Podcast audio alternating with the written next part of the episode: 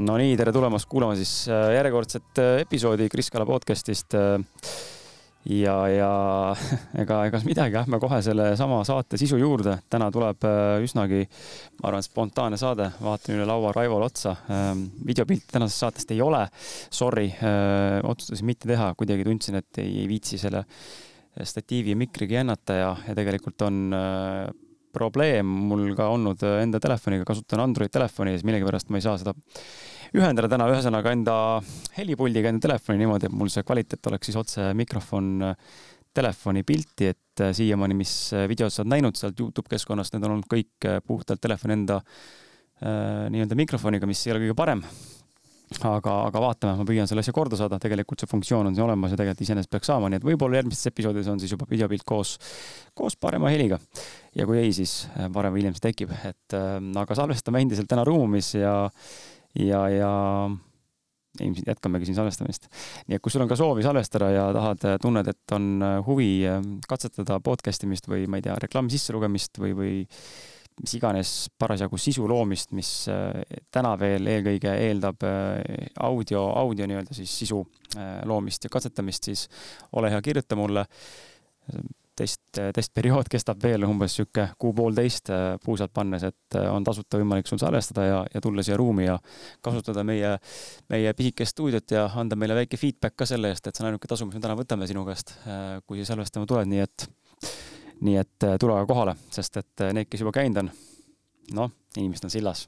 et äh, inimesed on sillas ja, ja, ja neile meeldib, nii et anna aga teada. aga Raivo, tšau-tšau. tere, tere. tere, tere. me oleme sinuga seda saadet äh, mõelnud teha, ma ei tea, kaua nüüd juba mingi, võib-olla aasta ei ole päris täis, aga, aga umbes ei, aasta ei ole, mul on tunne, et mingi kuskil pool aastat. jah, päris pikalt ikkagi on see, on see ketranud meie peas ja, ja mis iganes tingimustel või põhjustel, kas siis sinu peas? minust, minu peas jah, minust, minust tulenevalt on see võib-olla mingil määral taustal jäänud, samuti on võib-olla sinust tulenevalt pole aja kuupäev klappinud, pole tunne olnud õige. täna me siin kell üheksa hommikul istume. varakult panime asja käima, aga ja vaatan neid küsimusi, mille järgi minna. sinuga on, sinuga on nagu selles mõttes huvitav, et sa ise oled nagu natuke nagu mina selle koha pealt, et äh, inimesed, kes on minu saateid kuulanud, äh, juba teavad äh, seda minu nii-öelda siis kalduvust ennast saboteerida ja maha teha ja vähendada. kohati nagu tundub, et mingites valdkondades teed ka sina seda, et alustaks võib-olla just selle koha pealt, et kuidas sa nagu tunned, kas kas see vastab nagu tõele eh, sinu puhul, et toimub enda selline vähendamine eh, teatud eluvaldkondades või eluetappides või, või vastavalt kogemustele või sündmustele või elu keerdkäikudele? Ja, ja millest see tulla võib ja, ja kas see on midagi, mis, millega sa samastud, sest et mingil määral ma toon selle just välja sellepärast, et kui me räägime ettevõtlusest, ma tahaks jubedalt öelda, et sa oled ikkagi väga hea ettevõtja, siis ma tean, et sul juba eos ette on seal see, et oot-oot-oot, et kuskil nagu, et ei ole päris veel see, et tegelikult ei ole ideaalne, aga on mingi taga, aga sellegipoolest on veel valdkondi, kus ma näen tegelikult, et sa oled väga pädev ja sa oled äh, haritud ja sa oled kogenud ja, ja sa oled andekas. aga samal omal vesteldes ma tean, et sa pressid vastu ka seda, noh, mitte komplimendi võtmist, aga aga seal on mingi dünaamika, kus ma olen nagu märganud, et, et sul on ka sees see ja ilmselt on meil kõigil natuke sees seda, et me ei taha ennast võib-olla lõpuni kiita või utsitada või upitada, eks ole, või pjedestaalile tõsta. ei tea, kuidas, kuidas sulle see, see tundub, kas see vastab tõele või oled sa seda enda elus nagu märganud? ei ta kindlasti mingis osas vastab tõele, mingis osas mitte, et see on erinevad situatsioonid ja erinevad ähm, ma arvan, et sõltub nagu situatsioonist ja olukorrast, aga mulle tundub, et äh, ma mingisuguses kohas ma ennast vähendan ja mingisuguses kohas äh, võib-olla liialt äh, upitan ennast üles et see on sõltuvalt, ma, ma ei ütleks, et see, et ma seda meelega teeksin, vaid et see on kuidagi, see on see, millest tuleb mul veel õppida üle saada, aga jaa, eks äh, äh, olenevalt olukorrast vahepeal ma tõesti ennast vähendan ja, ja ei taha, ei oska nii-öelda näiteks äh, kiitust vastu võtta, et, äh, et mul vahel tunne on äh, see, et näiteks sina näed mind, olles sinuga sõber juba mitu aastat, siis sa näed mind kuidagi nagu sellise, vahel tundub, et olen justkui suur mingi tegija, on ju, et ise ma ennast niivõrd suureks tegijaks ei pea aga mõne koha pealt jällegi pean et äh, jaa. see on huvitav, me endaga teeme seda ja, ja ma just ise märkan ka, et no ongi mingid, mingid situatsioonid, on ta sinuga seoses enne või meil enda pereliikmetega või sõpradega või tuttavatega või, või mõne, ma ei teagi, äh, eeskuju või, või sellise mm, jah, eeskuju on võib-olla isegi õige, et kui me võtame kedagi kui eeskuju ja mingit äh, role model'it nii-öelda endale jaoks, ja isegi kui me teda ei tunne, siis automaatselt tekib seal selline ma ei teagi, mitte aukartus, aga niisugune teistsugusel tasandil respekt või nagu mingisugune, seal on nagu erinev tunne, sinuga olen ma ka tundnud seda, me oleme rääkinud vaata ka sellest, et seal tekib sisse see, et ma panen sind justkui mitte nagu otseselt endast nagu kõrgemale või paremale, aga ma näen, et sul on mingites valdkondades rohkem kogemust, järelikult on mul võimalus või noh, automaatselt alateadvus tahab vaadata alt ülesse. jaa, aga see ei tähenda seda -hmm. et sa kuidagimoodi halvem oled ju. no just et äh, mul võib olla küll mingisuguses osas kogemus, aga see kuidagimoodi ei tee mind ju paremaks. et äh, ja see kogemus ei pruugi olla üldse see õige kogemus. ja minu arust ei olegi nagu niisugust, et iga kogemus on oluline ja igast kogemusest äh, ma usun, mulle tundub, et äh, ma ei tea, ma tahan alati öelda, et me kuigi tegelikult ma mõtlen peamiselt iseennast, aga kuidagi on äh, selline üldine ütlemine mul, et me. Ähm, tahtsin praegu ka öelda, et me aga ma, ma usun, et see peab paika ka nagu üleüldiselt, et äh, kuigi jah, äh, mulle endale tundub, et see iga kogemus on oluline ja nüüd sõltub sellest ka, kuidas me seda kogemust võtame. Et äh, ja kuida-, mis me sellest kogemust õpime. et äh, ja igast kogemusest võib-olla me iga kord ei õpi ja siis me saame uuesti, elu toob selle kogemuse meile uuesti, niikaua kuni siis me saame selle endale selgeks kas sa siinkohal äh, korra küsin niisuguse vaimsema suunitluse küsimuse ka, et äh, kui me räägime elukogemustest ja õppimistest, siis milline sinu arusaamine on või kuidas sa seda nagu mõtestad, et äh, reinkarnatsioon või, või selles mõttes selline nii-öelda e, e, mitmete elude kestev, võib-olla siis nagu mõni karmaline õppetund, eks ole, õpid nii kaua, kui selgeks saad. kas see vastab sinu jaoks tõele või, või pigem, pigem nagu mitte? mind on viimasena pannud see mõtlema, küsin seda sellepärast, et mind on pannud mõtlema just see, et noh, räägitakse sellest, et karma on miski, mille pärast meid äh, justkui karistatakse eelnevas elus tehtud mingite asjade pealt, onju, ja mul tuleb nii hästi meelde, kuidas Vadim enda raamatus äh, Transurfing ütles nagu nii ilusti ühe lause, mis viis kokku nagu palju paremini selle, millest ma olen eelnevalt nagu karmast nagu mõelnud või arvanud. ja tõi nagu siukse hüpoteesi, et küsimuse just inimese lugejale mõtlemiseks, et et miks peaks Jumal või keegi, see Almighty, eks ole, meid nii-öelda karistama millegi eest, mida me tegelikult ei mäleta, et me oleme teinud ja siis mul tekkiski see küsimus ka, et aga hmm, nii ehk on nii hästi sõnastatud, et huvitav tõesti, et, et äh, ei olegi nagu loogikat selles. Ja mina ei tunne, mina nagu ei tunne isiklikult, et noh, saab kohe rääkida ka enda poolt, aga mina isiklikult ei tunne, et, et karma nagu olemas oleks või ma usun seda, et kui ma siin äh, noh, selle stuudio täna põlema paneksin tahtlikult, eks ole, piltlikult öeldes, ja teeksin halba, siis jah, midagi kuskilt äh, balansseerub ja toob nagu tagasi aga millegipärast ma väga sellesse ei usu, et, et nüüd hullult äh, mingi taak käib elude, elude vältel kaasas, see tundub mulle kuidagi väga selline ma ei teagi, kas vastutuse äraandmine või, või kuidagi jubedalt millelegi suuremale nagu tuginemine või lootmine, et nii on ja nagu usaldan või kuidagi, et nii on määratud või ma ei tea, kas sa saad aru, mida ma mõtlen, aga et mis sinu nagu kogemus on, kui sa räägid kogemusest ja kogemuste mitteõppimisest ja kogemuste õppimisest senikaua, kuni see lõpuks on selge, äh, mida sa nagu mõtled selle all ja kuidas see karma sinu äh, sellesse võõrandisse võib-olla nagu siis suhestub või, või sobitub? võib-olla mul äh, praegugi nagu ei tulegi selgelt täpselt seda, miks ma, ma, mul on see arusaam või tajumine sellest, äh, sellest kõigest, äh, aga sa läksid nüüd eriti nagu tiipi, et eriti sügavale, eriti sügavale. Ähm, mis puudutab karmat, siis ähm, minu enda arusaam, et mingi asi seal on, et mingi karmaline teema seal on, kuigi ma tõesti äh, seda, seda tunnetust mul ei ole, et on keegi, kes äh, nagu meelega tahab meid äh, kannatama panna. jah, jah, et karistada, et meie tehtud tegudest, et et tegelikult me ju, kui isegi see nii oleks, siis, äh, siis see oleks ju juba, juba niiviisi nagu ebaõiglane, sest äh, äh minu uskumine on täna see, et keegi meist ei ole halb. et äh, kõik, äh, kõik, mis me teeme või, või keegi teeb, arvates, et noh, teeb halba, see on mingi, mingisugune tõekspidamine, et vaat see on halb, et mhm. mis ta tegi. Äh, kuid sellel tegevusel on ju alati põhjus, et miks ta seda tegi.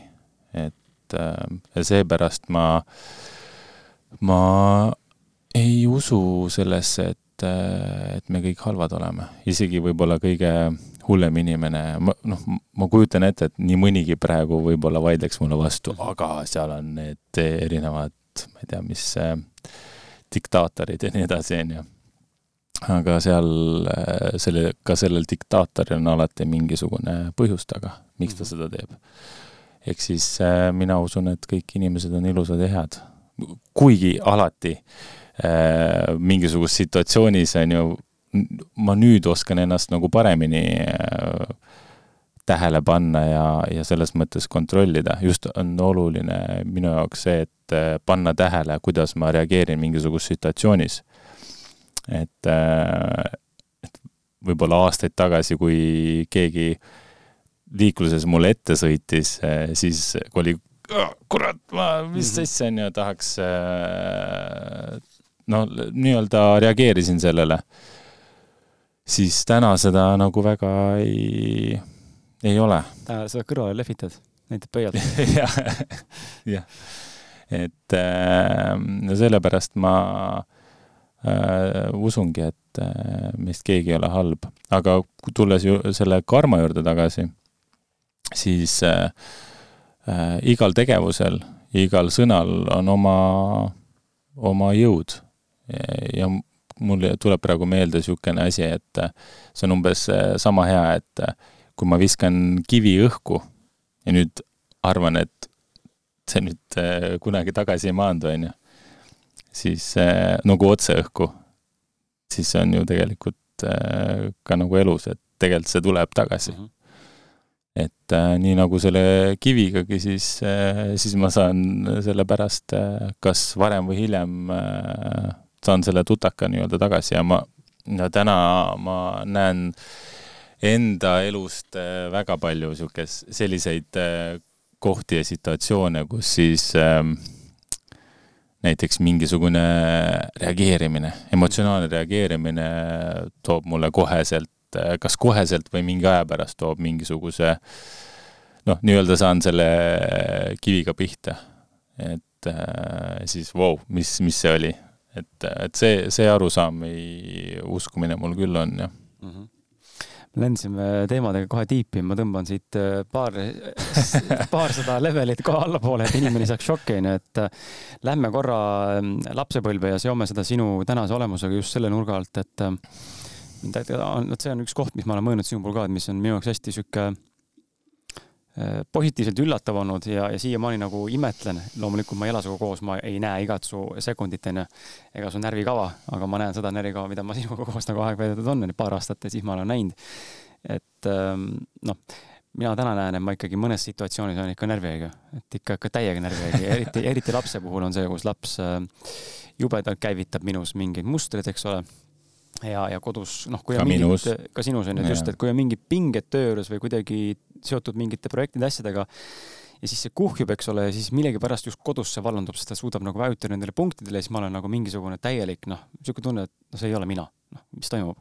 aga ma saan ka aru, et see on nagu, ma lähen nii reageerimisse lihtsalt, nii, nii verbaalselt, eks ole, ja teinekord ka hääletämbriga, muidugi füüsiliselt ma ei lähe kuskile kellegi kallale, aga lihtsalt ma näen, ma lähen täiesti oma keskmest välja ja teinekord väga kergesti, aga sinu puhul tundub ja, ja võib-olla siinkohal eksin ka, aga tundub, onju, sa juba naerad, et tundub, et sa oled siuke vana rahu ise. et noh, sind on peaaegu võimatu keskmist nagu selles mõttes välja viia, ma ei ole kordagi näinud, et äh, saaks nagu hullult närvis ropendaksid või ma ei tea isegi, kas sa mind oled näinud, vist ei ole, ma ei ole ka niimoodi väga niimoodi, noh, väga ka ei lähe, aga mõnikord ikkagi satun, eks ole. aga sind vaadates siis on niisugune mulje, et noh, sa oled niisugune nagu noh, mitte küll nagu üleni zen, eks ole, aga, aga väga nagu keskmes ja mind just huvitab see, kas see on midagi, mida sa oskad väga hästi kontrollida, ehk siis õpi-, oled õppinud ennast, nagu sa ütlesid ka, ennast kõrvalt vaatama, märkama kohe ja seda siis nii-öelda reageerimist ja emotsionaalset reageerimist kontrollima ja ja tasakaalustama, või see on midagi, mis on sinusse nii-öelda siis integreeritud juba lapsepõlvest, et sa oledki oma loomult võib-olla selline noh, ma ei teagi äh,, mitte otseselt flegma, aga selles mõttes nagu vähem reageerivam. sa ei, ei ole nagu nii stimuleeritud kogu aeg selle ümbert või see on muutunud ajas või see ei ole muutunud? See, eks see on ajas muutunud äh, kord ühele poole, kord teisele poole. et äh, ma olen selliselt äh, kord rohkem reageerivam, kord vähem reageerivam, aga kes, kes mind võib-olla pikemat aega teavad, siis teavad mind ka sellise, kus ma vägagi nagu reageerin et äh, selles mõttes ei, ma ei ütleks, et ma täiesti nagu vanarahul oleks, et äh, kui ma vahepeal plahvatan, siis äh, siis see on tulekahju taga. No kas see, et aga igal juhul võib-olla esimene asi, kui sa seda rääkisid, siis ma tahtsin kohe vahele segada, et mul on hea poker face.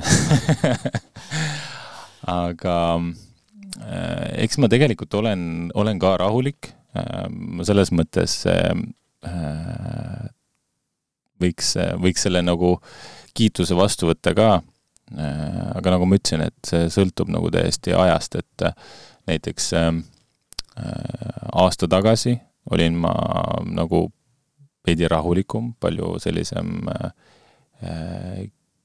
kindlam. täna, täna ma hakkan sinna tagasi tulema, aga vahepeal näiteks ei äh, olen äh, kolistanud ka nagu ämbreid, on ju, et äh, et eks see praegune, praegune elu üldse, noh, kaasa arvatud te,, tegelikult ma, ma ise usun seda, et me ei peaks nii palju emotsionaalselt võtma vastu seda, mis toimub äh, väljaspool maailma.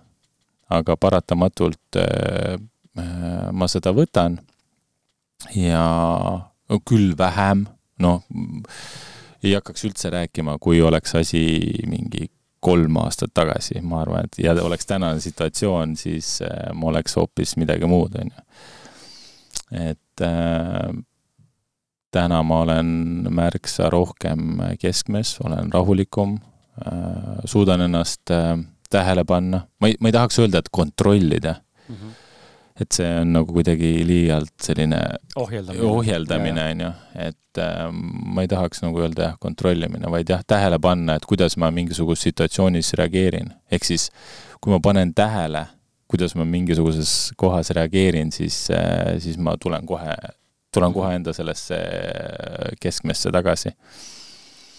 aga jaa, ega siiamaani ka, mul on sama vana laps kui sul ja eks tema ka vahepeal trigerdab ja ma äh,, kui ta sündis näiteks, siis äh, üks asi, mis ma kohe nagu endale ütlesin, et tema on tulnud siia, et mind õpetada ja tema on minu kõige suurem õpetaja üldse. ja ma arvan, et ma sellised äh, tõekspidamise ja sellise olekuga võtsin teda äh, vähemasti terve aasta, äh, pärast seda küll vähem, aga terve aasta ja et kõik need esimesed äh, nädalad ja siis kuud alati, kui ma hakkasin nagu noh, selles mõttes igast, ma olin, proovisin olla enda elukaaslasele võimalikult siis abiks kogu sellel perioodil.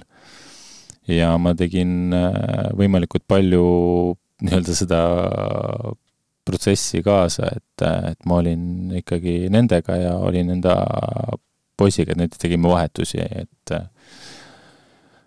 ja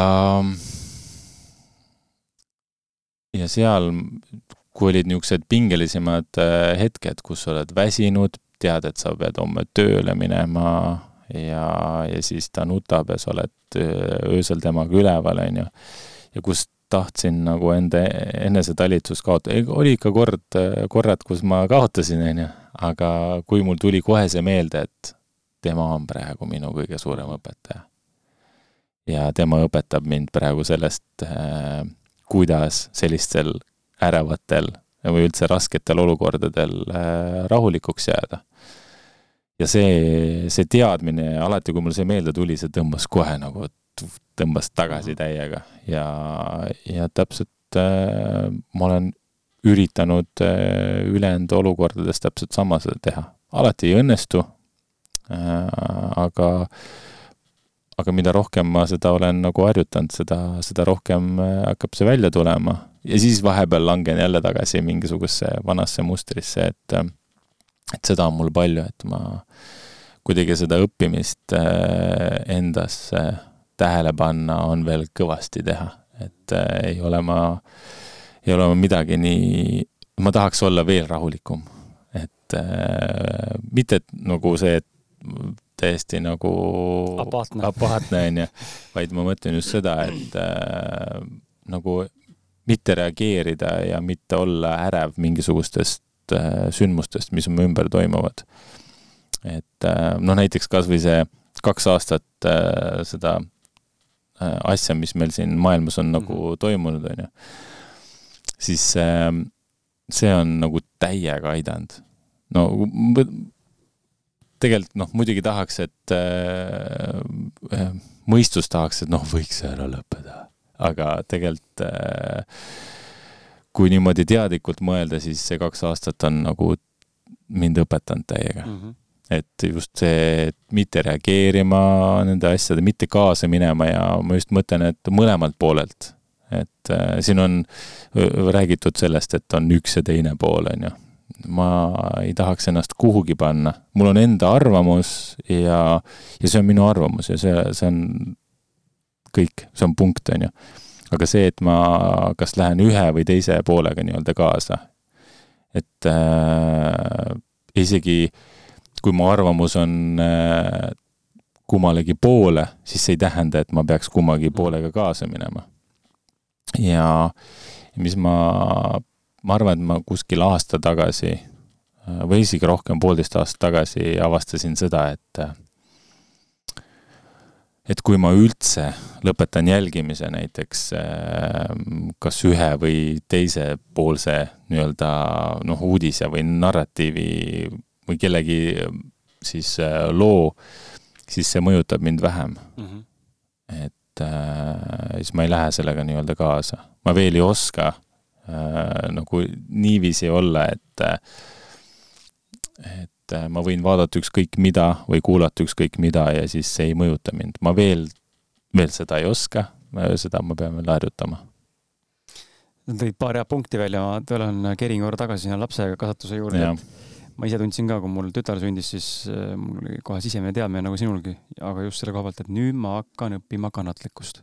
See on see koht, kus me hakkame õppima nüüd seda patience'it, et ähm, kuidagi see oli väga relevantne mul tookord ja tegelikult on tänaseni ka, et mul mentor käis kogu aeg seda teemat läbi, eks ole, see podcast'i areng on olnud äh, ka tegelikult üks korralik äh, jummel, mul saab nüüd äh, mul saab nüüd äh, neli aastat ju maikuus kohe, et äh, seda endist ausad mehed ja nüüd siis Kris Kala podcast nime alt sama asja tehes, et äh, see patience, et kasvada ja, ja areneda ja saada neid, äh, kasvõi see tehnika areneb kogu aeg, eks ole, juurde ja sul tekivad uued tutvused ja võimalused ja ja kõik see on nagu õpetanud, aga laps pani täiega ja, ja nagu täiega resoneerun sinuga, kui sa räägid sellest, et ongi need ärevad hetked, kus on öösel või üleval olla ja üldse see lapsekasvatuse teema on nagu selles mõttes nii huvitav, et kes vähegi tahab enesearengule mingit kiirsüsti anda või dopingut, siis tehke laps.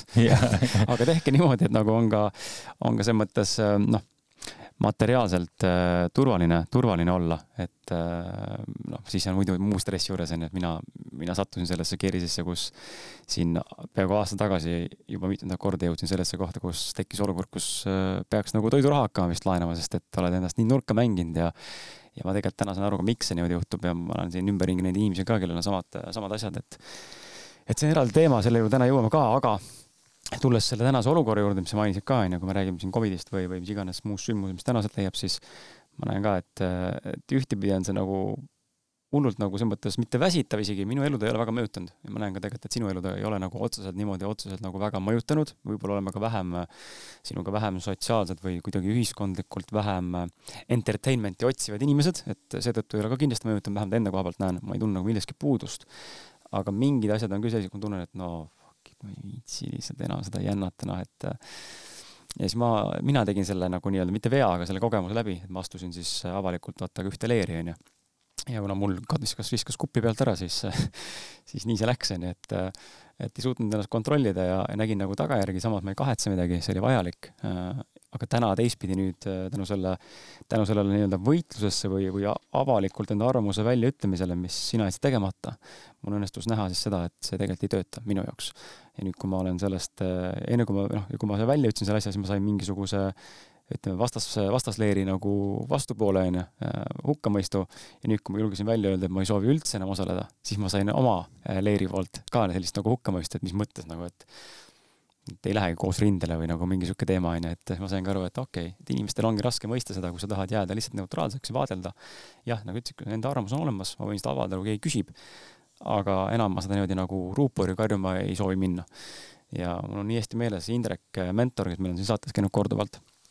et äh, tema, tema lause, mis mind kummitab, noh, ma arvan, mingi viimased kuus aastat peaaegu, et äh, et on kaks lauset, üks on see, et elus võidab see, kellel on kõige rohkem kannatlikkust see lihtsalt kummitab, lihtsalt kummitab mind nii väga lihtsalt. Ja see oli enne lapse, lapse saamist juba onju. ja, ja, ja teine lause on see, et avalda oma arvamust ainult siis, kui küsitakse mm. -hmm. ja seda on jube raske teha teinekord mm -hmm.. see on nagu, see on nagu nii raske teha, et sa tahad väga nagu jagada enda teadmisi ühest inimlikust vaatepunktist, aga teinekord see kukub täiega välja sellisena, et sa nagu mingi ninatark, tuled targutama mm -hmm. ja tegelikult täiesti vale hetkel tuled mm -hmm. sorkima. ja see on see koht, kus ma nagu näen, et ma ei pea tegelikult ruupuriga karjuma mm, -hmm. et äh, mul oli siin äh, üks paar nädalat tagasi oli Peep, Peep Vainu, kes on meil ka siin podcast'is käinud ja, ja soovitan kuulata tema saateid kohtumine, ta ütles nagu poolnaljaga, et tal on kaks korda olnud selle kahe poole aasta jooksul nagu kohti, kus ta mõtleb, et võtab alasti ja läheb ruuporiga sinna Vabadusväljakule karjuma, et aga ta ei tee seda, et noh, see, see ei ole, ta ei saa teha endale seda, sest see ei, see tooks lihtsalt laviini. et seda asja tuleb intelligentsemalt teha. Aga see ongi huvitav koht nagu, et inimestel kõigil tegelikult viskab see kuppel ära, aga osad suudavad kontrollida seda, et me ei lähe siis niimoodi lahmima ja noh, täna me näeme tegelikult, et see lahmimine tegelikult väga nagu ei lahenda midagi, noh. jaa äh,, ma võiks öelda, et äh, siis algus, noh, kaks aastat tagasi nii-öelda algusperioodil mäletan äh,, oli ka mul see, et äh, tahaks nagu oma arvamust välja öelda ja, ja, ja noh, see, see, mida ma, minul on üks, vot üks asi, mida ma pean veel õppima, aga see on, see on ajaga nagu paranenud.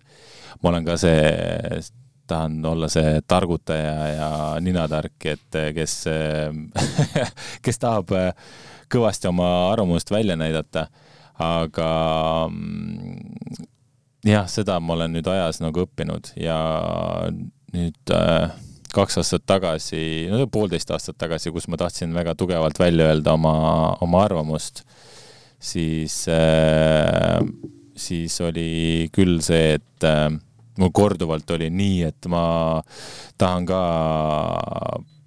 mingisuguse, ma ei tea, postituse teha või et äh, arutada seda teemat, on ju. aga jaa, siis äh, mingi hetk äh,, kui see mõte tuli, siis ma mõtlesin, et okei okay,, ma lasen sel asjal nagu seedida.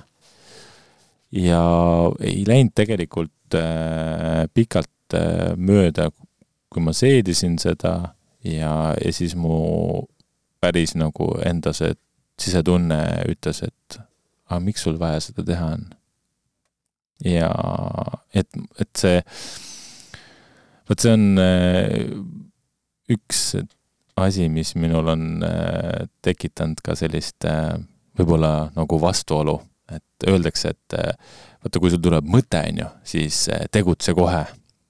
aga jah, see mingisugusel määral see, see peab paika, aga mingisuguse koha peal mitte, vot see on ma veel, seda peab ka veel õppima et millal on tegutsemise hetk ja millal ei ole? just, täpselt, et, äh, et millal me lähme nii-öelda emotsiooniga ja millal me lähme nii-öelda südames, äh, see mõte tuleb, on ju, et, et millal tegutseda. ehk siis äh, ka mul oli korduvalt mõtteid, et oh, nüüd võiks nagu ka midagi postitada, aga kui äh, läks äh, võib-olla isegi paar tundi mööda, siis, siis mõtlesin selle peale nagu sügavalt, rahunesin maha ja siis tegelikult, aga tegelikult mul ei ole vaja.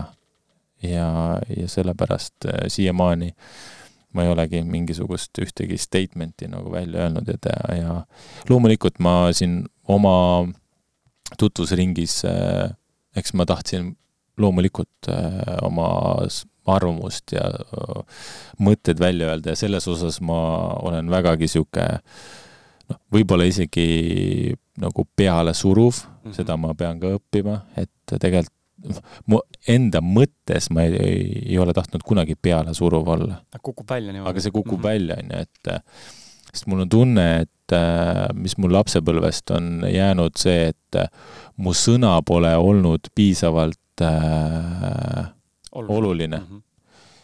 ja, ja seetõttu ma kuidagi olen tundnud, et, et ma justkui pean mingi kõva, kõvemat häält tegema või et nagu enda sõna maksma rohkem panema. et sest jah, mul kodus ega mitte, et mul ei lastud rääkida, vaid lihtsalt mind ei kuulatud mm. -hmm. et äh, mul siiamaani tuleb see äh, Äh, see, mis on äh, üldiselt äh, kunagi olnud lastele öeldus, et laps räägib siis, kui kana pissib, on ju, et, et mul see see on võib-olla nagu tugevalt sees. ja, ja sealt on tulnud see, et ma tahan nagu tugevalt enda arvamust nagu välja öelda.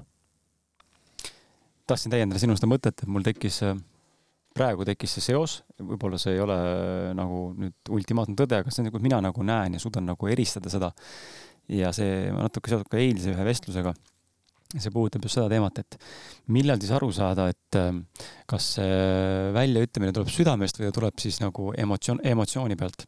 ma olen märganud enda puhul, et äh, väga tihti on võimalik seda äh, eristada läbi selle, et kui ma saan kuskilt trigger'it äh, emotsionaalselt, saan äh,, saan kuskil trigger'it, siis äh, siis just nimelt juhtubki see, ma muutun äh,, lähen nagu selle kas halva tunde pealt, minus tekib mingi halb tunne tänu mingi trigger'ile või mingi muusugune ärevus või mingisugune muu aisting, tunnetus ja ma lähen selle pealt tegema. Või äh, ma teen selle postituse või väljaütlemise või video või, või salvestuse selle pealt, et minus on äh, valdavalt hea tunne ja ma tahan, tahan nagu siiralt mm, oma mingit taipamist või, või mõistmist edasi anda. ja tuleb teinekord, mitte teinekord, vaid alati hoopis puhtama koha pealt. Ja huvitav on see, et sotsiaalmeedia on hea peegel selle koha pealt et olgu ta Instagram või, või Facebook või mingid postitused, asjad, et nii kui ma teen puhta südame ja nagu consciousness'i ja nii-öelda nagu heast mm -hmm. kohast tulenevalt mingi postituse ja sellise, isegi kui ta väga sügav on ja väga, väga pikk on, siis see saab väga palju jagamisi, väga palju nii-öelda nagu tähelepanu, eks ole, kas likeide ja muude kommentaaride arvu osas. kui midagi sellist, mis on nagu pigem halvaloomulisem või sellisena emotsionaalselt laetud, siis ta võib ka saada, aga see signatuur seal taga on hoopis nagu, hoopis nagu teise kvaliteediga mm. -hmm. et seda on nagu huvitav olnud näha ja, ja inimene saab ise ka katsetada teinekord, et, et näha seda, et, et kas, kas see impulss enda mõtteid avaldada või asja tekib kohe vahetult pärast seda, kui sinus on käinud mingi trigger või on see lihtsalt pikema perioodi vältel, kui sa oled saanud rahulikult mõelda, mõtiskleda ja, ja otsustada, et mida ma tegelikult nagu soovin öelda, kas üldse. ma ei tea, kas sulle tundub, kas sa ise ka nagu tuva, oled tuvastanud seda, et? jaa, ma olen sinuga sada protsenti nõus ähm et, ähm, et kui, kui tuleb tõesti nagu sellest puhtast äh, südamest, äh, neutraalsest kohast, siis ma, ma pole veel ma pole küll äh, väga suur postitaja, aga mida ma olen tajunud, seda, et näiteks kui ma kellegi poole pöördun, noh, ükskõik kellega hakkan nagu rääkima või talle helistan ja, ja ma helistan nagu sellised äh, täiesti nagu neutraalsest kohast, olgu see koostööpartner, klient, sõber, äh, kes iganes. ja noh, eriti on võib-olla see mm, tajuda selle koha pealt, et äh, et kui just näiteks mingi kliendisuhete juures, et seal ma saan tagasisidet, noh, vaata, kas ta ütleb jaa või, või ei või kas meil üldse arutelu nagu jätkub või mitte. ja siis äh, ma olengi aru saanud sellest, et äh, et äh,, et kui ma räägin nagu sellise, miks ma seda räägin, et kuna ma ei ole väga, väga postitaja, et äh, et just selle puhtast südamest või täiesti neutraalsest kohast, kas kirja saatmine või, või helistamine ja rääkimine, see on palju suurema sellise mõjuga mm. -hmm. mitte, et ma tahaks kedagi mõjutada, vaid äh, ta lihtsalt mõjub. ta lihtsalt mõjub mm -hmm. jah, ja, ja jah, ma olen sinuga täiesti nõus. aga lähme edasi just nagu selle poole pealt, et mm, aga me rääkisime tegelikult muidu sellest jah, et kuidas mitte reageeringusse astuda ja mul tegelikult tekkis ka siinkohal lisaküsimus, tegelikult tuleme korra tagasi, et äh, sa ütlesid nagu väga huvitavalt, et õpi nagu märkama ja, ja teadvustama ja ennast kõrvalt vaatlema. nüüd ma tulekski siis selle praktilise osapoole äh, peale, et mida sina oskad soovitada või mida me koos oskame soovitada. kuidas seda teha siis? Kuidas sa õpid ennast nagu kõrvalt märkama ja vaatlema, sest et äh, selge on see, et kõik seda teha ei, ei suuda võib-olla alati ja teinekord isegi ei oska ja pole mitte kunagi kogenud ka seda, et ma ennast kõrvalt vaatlen, mis tähendab, kas ma pean ennast vaatama, kujutame ette, et ma vaatan ennast kui kõrvalt kolmanda isikuna või, või kuidas ma pean ennast nagu vaatama või mida ma pean nagu sel hetkel märkama või püüdma enda teadvustada, kuidas siis, kuidas sina nagu praktiliste sammudena näed seda, seda protsessi, et õppida muutuma iseendast ja oma valikutest ja otsustest ja reageeringutest teadlikumaks? kohe tuleb meelde, kuidas mina seda endale äh, hakkasin harjutama. ja see oli sellest, et äh, ma ei mäleta, kust ma seda nagu kuulsin äh,. vot ei tule meelde, aga igal juhul mul jäi äh, kunagi äh, kas ma lugesin või kuulasin mingit podcast'i, aga mul jäi kõrvu selline asi, et äh, et mõtle alati selle, sellisest äh, nurgast, et äh, mida see inimene nagu mõtleb või kus tema, või kui sina oleksid tema asemel. et äh,, et kuidas siis oleks, noh näiteks mina reaalselt hakkasingi selle liikluses selle teema peal vaatama, et kui keegi mulle ette keeras või mingisuguse situatsiooni tekitas, on ju sest äh, äh, tihtipeale me ise teeme ka mingisuguseid asju, neid vigu mm -hmm. ja kust äh, keegi võib äh, meile nii-öelda signaali anda. ja siis ma hakkasin nagu mõtlema, et aga, et mina olen ka selles situatsioonis olnud, et kus ma äh, ei vaata võib-olla küljepeeglisse veendumaks, et mingi auto on äh, mul vasakul pool, olen mingisugust enda mõtetes, on ju. see oli nagu aastaid tagasi, kus, kus ma olingi vägagi palju nagu sellisel äh, kuskil ära. ja siis äh, sõidadki autopiloodi peal ja me paljud sõidame, ma usun, et paljud sõidavad tihtipeale autopiloodi peal ja siis me tegelikult ei panegi tähele, me unustame vaadata peeglisse veendumaks, kas seal auto on, on ju, ja siis keerame ette ja keegi saab väga pahaseks. ja siis, kui ma hakkasin äh, ise mõtlema, et aga ma ise olen sealsamas olukorras olnud. Ja, ja tegelikult me ei tea mitte kunagi, mis sellel inimesel, kes sulle ette keerab, mis tal parasjagu juhtus, äkki tal ma ei tea, keegi suri ära, äkki tal oli mingisugune sündmus, mida ta praegu parasjagu endast nagu läbi elab ja seedib, äh, mis iganes.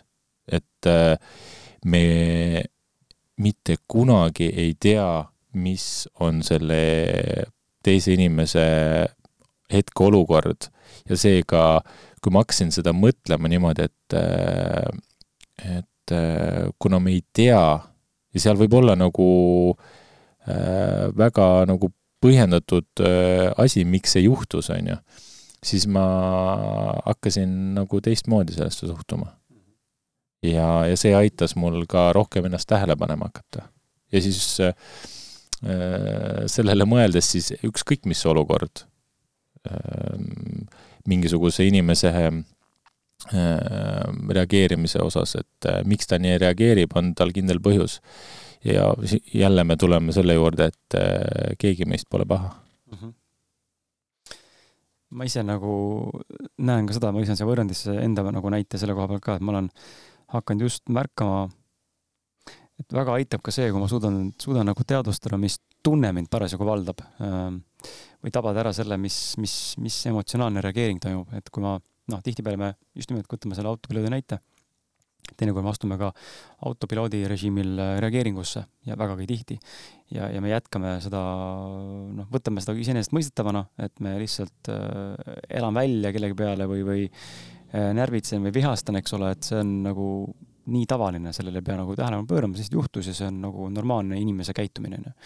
inimolendi käitumine. mõnes mõttes nagu vastab tõele, aga teistpidi jällegi see on see koht, kus nüüd hakata mõtlema, et, et kui ma see tihtipeale me suudame, ma näen, näen, näen, näen seda, et kui see olukord on möödas, see reageering, siis ongi teinekord väga palju lihtsam, kas sekund, kaks või viis sekundit hiljem, isegi mõne minuti hiljem või ma ei tea, paar tundi hiljem, tekib see perspektiivi küsimus, me saame hakata vaatama enda käitumist. meil meenub mingisugused flashback'id, eks ole, ma tegin nii ja naa, eriti kui see on seotud mingisuguse negatiivse sündmusega või mingi situatsiooniga, mis kulmineerus. ja siis me näeme nagu, et aa, ma tegin niimoodi siis tekib see mõtlemise koht, et ja, seal võiks tekkida, see mõtlemise koht ja ka see küsimuste esitamise koht, et aga miks ma tegin niimoodi? miks ma reageerisin selliselt, kas ma oleks saanud ka mitte reageerida? mis oleks siis, kui? et ma olen näinud, et nende kontrollküsimuste küsimine ja, ja on see, mis on aidanud mind väga palju, aga see protsess võiks olla jah, selline, et kui me võib-olla oleme harjunud emotsionaalselt ja automaatpilootrežiimil nagu reageerima ja võib-olla avastame alles paar päeva hiljem, tuleb flashback'ini, et kurat, sihuke sündmus oli tegelikult ebameeldiv, eks ole, mulle ei meeldinud see olukord, mis oli. ketrame läbi, mängime uuesti läbi seda, et see võiks liikuda nagu nendest pikemaajalise raamistiku pealt lühema ajalik, ajalise raamistiku peale, ehk siis kuni sinnamaani välja me suudame juba sel hetkel tabada ära tegelikult, et oot-oot-oot-oot ma tegelikult ju näen, et kui ma praegu ütleksin talle nüüd seda või ma teeksin täpselt nii, siis see outcome on see, et tekib see probleem või see nagu koht, situatsioon on ju. et see on see, mis ma nagu õppinud ja näinud, et minu puhul vähemalt töötab, et ma suudan ennast mm -hmm. tabada ära juba enne. mitte alati nüüd, aga see läheb kogu aeg paremaks, mida rohkem ma teen, see on niisugune hea praktiline koht, et see läheb kogu aeg paremaks, kui lihvid seda harjum-, harjumust ja harjutust et sa õpidki kogu aeg ennast märkama juba varem eos ette ja lõpuks ennetama ka seda, et ma ei lähegi nii-öelda siis mhm. sinna võitlusesse, ma ei lähegi sinna tõestama, ma ei lähe sinna süüdistama, ma ei lähe sinna noh, mis iganes see situatsioon siis vastavalt mm -hmm. nagu välja tahab tuua, et äh, see on minu punkt, mis ma nagu näinud hästi aidanud. nõus, ma olen täiega nõus äh, ja jah, et, et see, et isegi kui me antud situatsioonis ikkagi reageerime ja pärast analüüsime, nagu sa ütlesid, see on nagu ülihea, et see mhm. aitab meid tuua alati kogu aeg lähemale sellele situatsioonile, on ju, et et alati analüüsida, oleks hea analüüsida mingisugust situatsiooni, kus me reageerime, et see õpetab samamoodi. ja, ja, ja aitab nii-öelda võib-olla meil ka enda aju nii-öelda treenida selles osas, et pannagi tähele, et oota, et äh, me seal, ma seal reageerisin üle, et ma tulevikus tahaks tähele panna, kui ma uuesti nii nagu tegutsen, et, et ma saaks seda ära hoida. ja no tulebki nagu samm-sammult, ma arvan. ega äh, mul on ka veel kõvasti seda, selleni nagu minna ja, ja et siiamaani harjutan. tuleme siit teemadega huvi juurde, et äh, ma olen, ma olen nagu märganud, et äh, noh, ma olen sinu puhul märganud seda, aga kui sa selle kirja panid mulle enda väiksesse tutvustusse, eks ole, mis, mis nagu, mille pidepunkti pealt ma siis tänase kondikava ka mingil määral koostasin, siis ma nagu tekkis sihuke eureka, et aa, väga lahe jälle mingi sarnasus nagu sügavamal tasandil, kuigi ma nagu teadsin, aga võib-olla mitte nagu nii süviti, et noh, see ei pruugi välja alati paista, onju. et aga, aga ma näen enda pealt ja nüüd ka sinu pealt nagu selgelt ja ma tean, et see on paljudel inimestel, kes on, äh, ma ei tea, näiteks seotud loometegevusega. eelkõige loomeinimestel on see väga palju, eks ole, neile ei meeldi olla nii-öelda kasti sees või, või kuidagi hullult raamistike sees, et see piirab loomingut ja, ja tekitab kohe sellise tunde, et ma ei saa olla mina ise või ma pean tegema mingisuguse kindla kriteeriumi järgi ja see, see ahistab ja tekitab niisugust trotsi. ja see teema, mis ma tahan puudutada, ongi huviorbiit, et sinu äh, kirjeldusest tuli ka väga selgelt välja see, et äh, et teha ainult seda, mis sulle meeldib ja kõik, mis sulle huvi pakkus, lihtsalt ei huvita ja sellega sa ei tegele. ja, ja ma olen nagu ise nagu mõttes samamoodi hästi kardinaalne selle koha pealt ja ma olen just nagu viimase kümne aastaga on see nagu intensiivistunud ja, ja ma näen, et see on ainuke viis täna minu jaoks, kuidas üldse enda elus nagu navigeerida saan ja ma usaldan täiega seda. loomulikult see võib tuua kaasa teinekord äh, keerulisemaid olukordi, kui me räägime siin noh, näiteks puhtalt äh, raha teenimise puhul, on ju, tööalaselt või tööpositsioonist, ametipositsioonist või, või mingist muust ajast, et kui mul selle asja vastu, ameti vastu huvi ei ole või töö vastu huvi pole, ma lihtsalt noh, ma enne suren nälga, kui ma lähen tegema seda, ma lihtsalt, lihtsalt mul on nii suur konflikt seal sees tekib. et ma ei ole võimeline täna vist äh,, võib-olla kui see situatsioon käes oleks, et äh, pere on näljas ja, ja põhimõtteliselt homme on nälga suremas, no siis ma võib-olla lähen ja teen midagi, mida, mida on vaja, eks ole, sel hetkel, et elus püsida. Aga kuna sellist stiimulit ei ole veel olnud elus piisavalt, sellist olukorda pole nagu kätte jõudnud, kui usaldamise on teinud, tulnud ikkagi lahendused, siis ma täna näen, et kui mul samamoodi huvi puudub mingi valdkonna vastu, no ehitus on hea näide. ehitus on hea näide, mul siin äh, on äh, töömees äh, praegu seal majas, kuhu ma kolimas olen ja tehakse renoveerimist ja ma olen varasemalt ka näinud, et inimesed, kes on ehitajad ja siinkohal no disrespect ehitajate suunas, aga seal on mingi väga suur äh, ühiskondlik stigma ja dogma, mis käib kaasas, et kui sa ei oska ehitada meesterahvana või sul puudub huvi ehituse vastu, elementaarsed teadmised, no siis sa põhimõtteliselt oledki kasutu nagu jorš. et ja ma näen seda väga läbivalt, kuidas mulle maailm peegeldab seda, võib-olla see kõigi puhul ei ole, aga ma näen väga tugevalt, kuidas ehitajatel on selline arvamus, et noh, tulevadki siuksed laused, et ei noh, ehitada ei oska ju noh nojah, mis sa siis ikka muud teed nagu. ja siis ongi see küsimus nagu, et see on hästi sihuke huvitav pool, et kui, kui mees ei oska ehitada või mees ei ole ehitusest huviline, siis ei ole nagu õige mees ja mees peab oskama ehitada ja teha kodukorda mina see ei ole ja mul puudub huvi ja ma olen ka aru saanud, et ei ole mõtet pressida ennast mingisse valdkonda sisse, sellepärast et äh, ühiskond soovib, onju, mul on täna naine, kes sellega tegeleb, sest talle pakub see täiega põnevust. noh, ta kaifib seda, ta on täitsa segane selle koha pealt ja, ja mina siinkohal vastupidi, tulen talle vastu, annan talle võimaluse teha, kui ta tõesti tahab teha, noh, värvida või mingit lihvida või ketast saega lõigata midagi, ma võin ka teha, kui ta palub mul seda, okei okay,, ma võin teha väga läbi mingi pressimise aga mul endal ei teki impulssi, ma nüüd tahan seda teha, sest mul ei paku see huvi absoluutselt ja minu meelest on see täiesti okei okay, tu tuvastada ja endale tunnistada ja aru saada, mis on tegelikult sinu huviorbiit. ja, ja mis sa päriselt teha tahad ja kus sul päriselt null huvi on, noh siis sa ei tee seda ka kvaliteetselt. noh, sul ei ole huvi, miks sa siis ennast üldse sinna paned? ja sul on sama teema tundub olevat, et kuidas sina nagu seda mõtestad ja kust see tulnud on või, või kas see on intensiivistunud ajaga või see on juba lapsest saadik olnud selles mõttes sinuga kaasas kui huvi pole, siis ma ei tee. ja kas sa näed sellega mingit nagu ütleme sellist nagu kahjutegurit juures, seda, teda teist poolt, et tegelikult see ei ole võib-olla hea asi, mida välja inimestele nüüd soovitada, et arendage endal see välja või, või ikkagi peaks selle poole pürgima, et teha ainult, mis sul huvi pakub? jaa äh,, üks teema, mis ma kohe paranduseks äh, võib-olla, või noh, täienduseks ütleks, et äh, äh asju nagu tasuks proovida et loomulikult, kui mingi asi on nagu konkreetselt nagu ei, siis, äh, siis sellel on põhjus, on ju.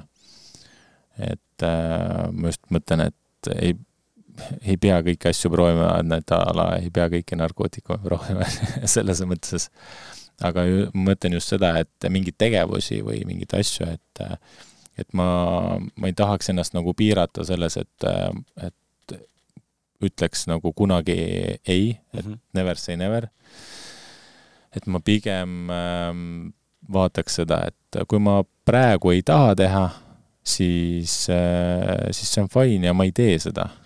ja aga nüüd kohe tuleb meelde mul see, et äh, äh, selline asi, et tuleks nagu kontrollida, et ennast, et mis põhjusel seda teha ei taha. äkki see on sul mingisuguse mis iganes, noh, ma ei mõtle trauma, vaid mingi mingi asi, miks sa ei taha teha, kas mingi, ma ei, ma ei mõtle praegu sind, mhm, et, et mhm. see ehituse teema sul, aga üleüldiselt. ehitustrauma on näiteks, aga no ei pruugi, aga just see, et, et endalt küsida, et miks ma seda teha ei taha. et tihtipeale ma mingisuguseid asju ei taha teha sellepärast, et, et mul on mingisugune kas hirm, konflikt või, või mingi, mingi asi on seal aga on jaa, paljud asjad, mida ma konkreetselt ütlen ei ja ma neid ei taha teha.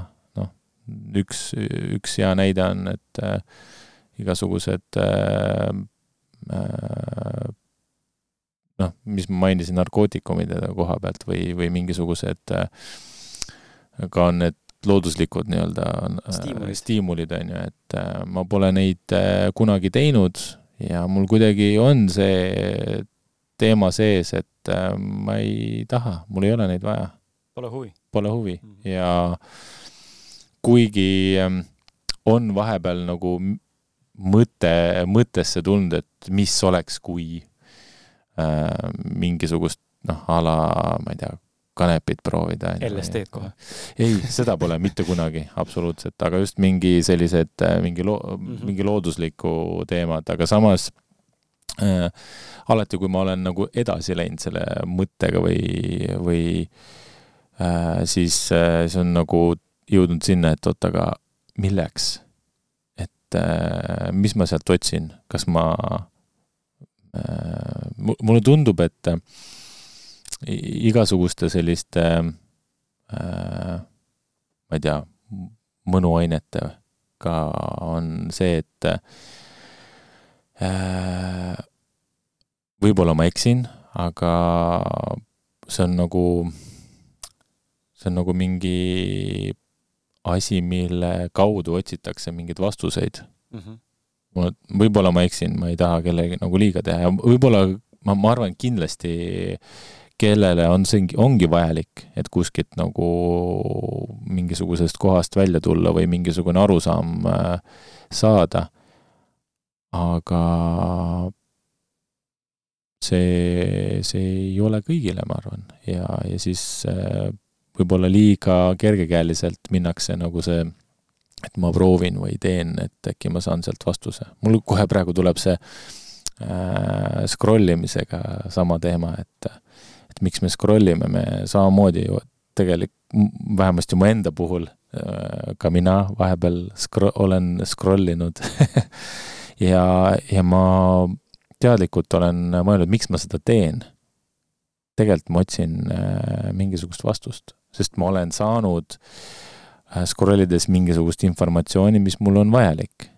ja siis äh, mul teadus ütleb, et vaata, tee veel, äkki sa saad veel neid vastuseid. ja siis võib juhtuda, et möödub päris mõnda aega, aga tegelikult ei tule sealt midagi, nii et siis tulebki nagu, et samamoodi sellega, ma ei ütle, et see on nagu halb aga see on samamoodi ük-, ühtemoodi sõltuvust tekitav just sellepärast, et me vahepeal saame sealt neid kas vastuseid või olulist informatsiooni ja siis meil tekibki see, et ma tahan seda veel teha. et äh, ma ei tea, vot niisugused mõtted sellega seonduvalt, äh, mis, ma ei tea, kas ma vastasin su küsimusele kõigepealt? Vist nagu vastasid, ma kuulasin sind ja, ja ei, pigem nagu vist jah, et äh, ma lihtsalt püüangi nagu mõelda, et ma nagu näen, näen ennast nagu natuke selles mõttes võib-olla e, e, e, ekstreemse näitena ka võib-olla selle koha pealt ja ma saan, annan ka aru endale ja mul on täna nagu selles mõttes, ma annan aru, aga täna kuklas ikkagi vahepeal on küsimus. ja siis ma saan tegelikult suht kiiresti vastuse jälle uuesti, aga mul on see kontrollküsimus kogu aeg mm, -hmm. sest et miski minu sees, kas siis ilmselt teadvus, mõistus tahab mulle siis äkki ümber veenda, ikkagi ratsionaliseerida, et äkki ikkagi sa pole kindel. jah, ma toon, ma toon mm -hmm. näite et äh, kui mul on, äh, kuna ma olen väga väheste, mul päriselt äh, täna tundub, et mida vanemaks ma muutun, tegelikult seda rohkem ma olen liikumas, tegelikult see võiks olla kõikide eeldus ja lootus ka, eks ole, me liigume üha rohkem enda keskmesse ja saame mm -hmm. iseendaks. sest me õpime ennast tundma, eks ole, ja, ja tore on, kui noh, mina kahekümneselt ja ma eeldan, ka sina, Raivo, olid kahekümneselt juba üsnagi, ütleme, mitte nagu nüüd ennast pjedestaali panna, aga ma ise, kui ma vaatan ennast, siis mulle tundus, et ma olin päris palju on juba võimeline tegema endaga, iseendaga nagu taustal tööd. ennast analüüsima kõrvalt, eks ole, mitte küll täna nii palju kui täna, kümme aastat hiljem, aga ikkagi see, see teekond on olnud ja ma olen suutnud ennast nagu kõrvalt vaadata ja tegelenud iseenda enesearenguga. või sa oled paremas kohas olnud kui mina okei, onju, et, et ma olen nagu tegelenud ja nüüd ma täna näengi, et, et tegelikult ma olen ennast tundma õppinud ja õpin kogu aeg juurde. ja mulle täna tundub, et mul päriselt mitte ei ole apaatsus ühiskonna vastu ja ma olen umbes eluheidik ja, ja trotsinud mm. ja kibestunud inimene, ma ei taha midagi teha, kedagi kuulda. või ma päriselt suhtlen väga väheste inimestega, sina mm. oled üks vähestest, äh, teine on mul üks teine sõber ja mul rohkem ei ole, kellega igapäevaselt näeksin või helistaksin mm, -hmm. mitte igapäevaselt, iganädalaselt võib-olla. ja, ja kui, kui ma olen mõelnud ka, kui, kui ma ise ei helistaks inimestele, et töö välja jätta, töökõned ja mingid projektikõned, siis mul ei olekski telefoni vaja vist sest mul ei ole kõnesid, mis on nagu nii huvitav, et ja Messengeris ka ma ei suhtle inimestega üldse nii-öelda niisama ja ma tean, sina ka ei tee seda, eks ole, selle äpina, väga harva üksteisele vastame seal või üldse pigem nagu meili teel või telefoni teel, aga see on kuidagi ära kadunud distantsilt. ja, ja teiseks, mis ma nagu näen, ma kohe jõuan su küsimuseni ka, et saaks enda poolt lahata selle juures, ma näen enda juures seda, et mitte ei ole apaatsus, vaid mul päriselt puudub huvi väga suur osa äh, tänapäeva ühiskonnas nii-öelda nagu tolereeritud või mainstream või klassikaliselt niisuguste fun asjade vastu. mul ei ole huvi lihtsalt. ja mul on väga kindlad huvid, mis mind tegelikult huvitavad. kas ta on siis noh, kirjandus, eks ole, mingi asja lugemine või mingi esoteerika, mingi vaimsus, ma ei tea, mis iganes veel, või on see mingisugune, ma ei tea, projekti mingi juhtimine või podcast, eks ole, või toitumine, mingid valdkonnad, mis väga huvitavad mind ja see on mingi valdkonna, see on suur osa valdkond, mis üldse ei koti. noh, vist ei huvita ka. lihtsalt, lihtsalt ei huvita. ja siis ma olengi mõelnud, et sisemuses ma saan aru tegelikult, et see on okei okay, see on täiesti okei okay, ja ma olen inimene, kes tegelikult, äh, ma olengi nagu vähese huviga väljapoole, mind huvitabki nagu väga üksikud asjad. aga ütleb sisse see mõistus, ratsionaliseerimine. äkki sul on viga midagi? äkki sa ikkagi nagu noh, äkki sa liiga apaatne või nagu kuidagi pessimistlik oled, et ennast kibestunud oled aastatega tegelikult, et äkki tegelikult sa ei naudi elu enam. ja siis ma saan kohe, siis ma olen vait endaga, seedin seda küsimust või seda vasturääkimist, mis tuleb siit mõistusest see hääl, siis ma tegelikult saan ikkagi aru, mul tuleb, tuleb su südamepiirkonnast tuleb ikkagi vastus, et ei. pigem ma tunnen tungivalt, tugevalt, intuitiivselt, et ma olengi inimene, keda tegelikult huvitavad väga vähesed asjad. ja see on okei okay.. et ma ei pea ennast üritama veenda, et mind hullult peab huvitama kõik, mis ümberringi on ja pean hakkama nüüd katsetama. et kui mul tekib huvi, ma loomulikult jah, ja teen, ma olen teinud ka eelnevalt seda. aga mul nagu innate loomi, loomuses ei ole nagu huvi nagu nii laiahaardeliselt, et ma ei tea, kas sa mõistad mind, aga kas sa ise, ise tunned nagu sama või kuidas seda nagu sina seda näed, et, et see justkui huvist rääkida, et kas see asjade suures osas protsentuaalse huvi puudumine võib olla probleem või seotud millegagi või see pigem ongi nii individuaalne, see tegelikult tuleks ennast, noh, tulebki leppida, mitte leppida, aga nagu aru saada, ma olen, see olengi mina, see on okei. Okay.. ma arvan, et mul, kui sa seda rääkisid, siis äh, kohe tuli mu enda teema nagu meelde, aga kõigepealt selle viimasele vastusele, viimase küsimusele vastuse annaks äh, sedapidi, et äh, nii ja naa, ma arvan, et äh, see võib olla, et see on okei okay ja võib-olla see on mingi periood, kus see on sinu jaoks ongi normaalne, et sa ei tegeledki sellega, mis parasjagu sind huvitab aga mul, kui sa seda rääkisid, äh, siis äh, siis mul kohe tuli meelde üks teema, mida ma vist sulle, sa, mis sa palusid, et kirjuta mingisuguseid mõtteid, on ju. üks teema on äh, elu tõsiselt võtmine mm. -hmm.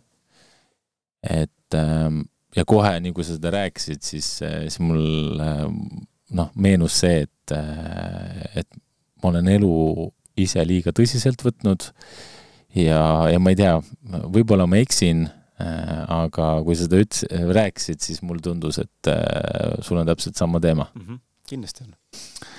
ja, ja, ja selle koha pealt äh, kohe tuleb meelde ka järgmine asi, mida ma olen tundnud või tunnetanud enda elus, on see, et mul on vahepeal nagu olnud selline äh, selline tunne või selline teadmine, justkui nagu ma kõike juba nagu teaks. aga samas ei tea ka. ja vot see, see mu-, ongi muutnud mul nagu vähemasti selliseks seda elu nagu veidi keerulisemaks. et ja ma, ma tean äh, et mõned inimesed on isegi sellest, äh, kes, kes mind tunnevad, äh, neid on see ka nagu trigerdanud. et ma justkui nagu olen selline, et ma, ma tean kõike või mingit, või päris palju tean, on ju, ja olen sellises äh, nagu enesekindlalt räägin või olen, et ma, no et, et ma justkui nagu kõike teaks. ja ma ise päriselt, mul on see tunne nagu, et ma nagu kõike teaks, aga samas ma ei oska seda, kui keegi küsiks, ma ei oska seda sõnadesse panna. ja, ja kuidagi ega ma teadlikult nagu ei tea, et umbes nüüd, nüüd on niimoodi mm, -hmm. et äh, seda, seda ei ole. aga see ongi nagu muutnud enda elu ka raskeks, et või raskemaks, et mul on raske õppida.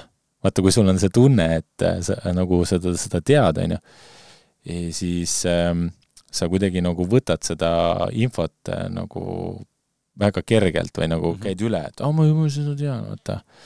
ja siis ma olen äh, siin aastate jooksul pidanud hakkama endale selgeks tegema äh, seda, et äh, kuidas tunda huvi mingisuguste äh, teemade vastu, mida ma juba nagu justkui teaks või natukene tean äh,.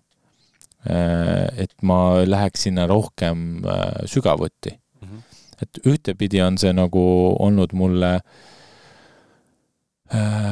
vägagi nagu toetavaks nagu ette, ettevõtluses, et ähm, äh, ma tean väga paljusid äh, teemasid või üldse noh, haldan nagu väga palju, et ma igast asjast nagu tean, aga ma ei tea nagu detailideni. ja et äh, vot see ongi nagu mõnes mõttes nagu pluss, aga samas nagu miinus, et ma tean, aga see ütlus on, et et äh, kui sa seda ei oska nagu rääkida või seletada, siis sa tegelikult seda ei tea. et äh, ma ei tea, ma ei tea, kuidas praegu see mu jutt kõlab nagu segasena või mitte, aga kuhu ma tahan jõuda, on see, et, et see huvi tundmine nagu äh, uute teemade vastu käib ka nagu veidi, mulle tundub, et sellega on sarnane, et äh, uute asjade proovimine või õppimine äkki jääb ka seesama taha, et sa justkui nagu, ma ei tea, on see tunne, et ah, ma olen seda, võib-olla sa oled näinud, kuidas seda tehakse ja siis sellest juba sulle piisab, on ju. ja siis sind ei huvita, aga ise pole seda kogenud et, ähm, et ma ise näiteks praegu või ma ei ütle mitte praegu, vaid nagu viimasel ajal viimaste aastatega olen proovinud, et rohkem endas nagu seda huvi tekitada mingi uute asjade katsetamise ja proovimise osas. Et äh, ja võtta selline suhtumine, et nagu ma seda poleks mitte kunagi nagu üldse mitte midagi selle kohta ei teaks, et mm. ma võtan nagu nullist. ja siis see tekitab rohkem huvi seda, seda uurima. ja, ja siis olen äh, hakanud proovima ennast ka harjutada sellega, et äh, kas ma suudan äh, kui ma mingisugust asja olen kas lugenud või, või uurinud, et kas ma reaalselt oskan seda sõnadesse panna. noh, näiteks elukaaslane on nagu väga hea, kellele nagu mingisugust asja, mis ma olen varasemalt äh, teada saanud, et äh, proovida seletada. ja siis, ja siis saadki selle teada, et kui hästi sa tegelikult seda asja nii-öelda valdad mm. -hmm. ja, ja siis ta on mul natukene paremaks läinud, aga, aga selle juurde tulles, et, et elu tõsiselt võtta või olen elu tõsiselt võtnud liialt. ma siiamaani võtan, tegelikult peaks nagu palju ladamalt võtma. et äh, sihuke, tegelikult elu ei ole üldse nagu niivõrd äh,, niivõrd äh, tõsine ja, ja raske. ma ise tunnen reaalselt, et äh, ma ise teen endale seda elu raskeks ja, ja aina rohkem tegelikult tahaks, tahaks vabamalt võtta. ja, ja siin koha peal mulle tundub, et äh, praegune elu üldse maailmas äh, on toonud meile õpetuseks ja neid on korduvalt maailmas varem ka olnud. et, et me noh, see situ-, mis on kõigepealt see Covid kaks aastat, on ju, nüüd äh, hakkas äh, noh, nüüd hakkas sõda, kuigi tegelikult varasemalt on kogu aeg sõjad olnud, on ju, aga sõltub, kuidas meile mingisuguseid asju nagu presenteeritakse, presenteeritakse ka, on ju.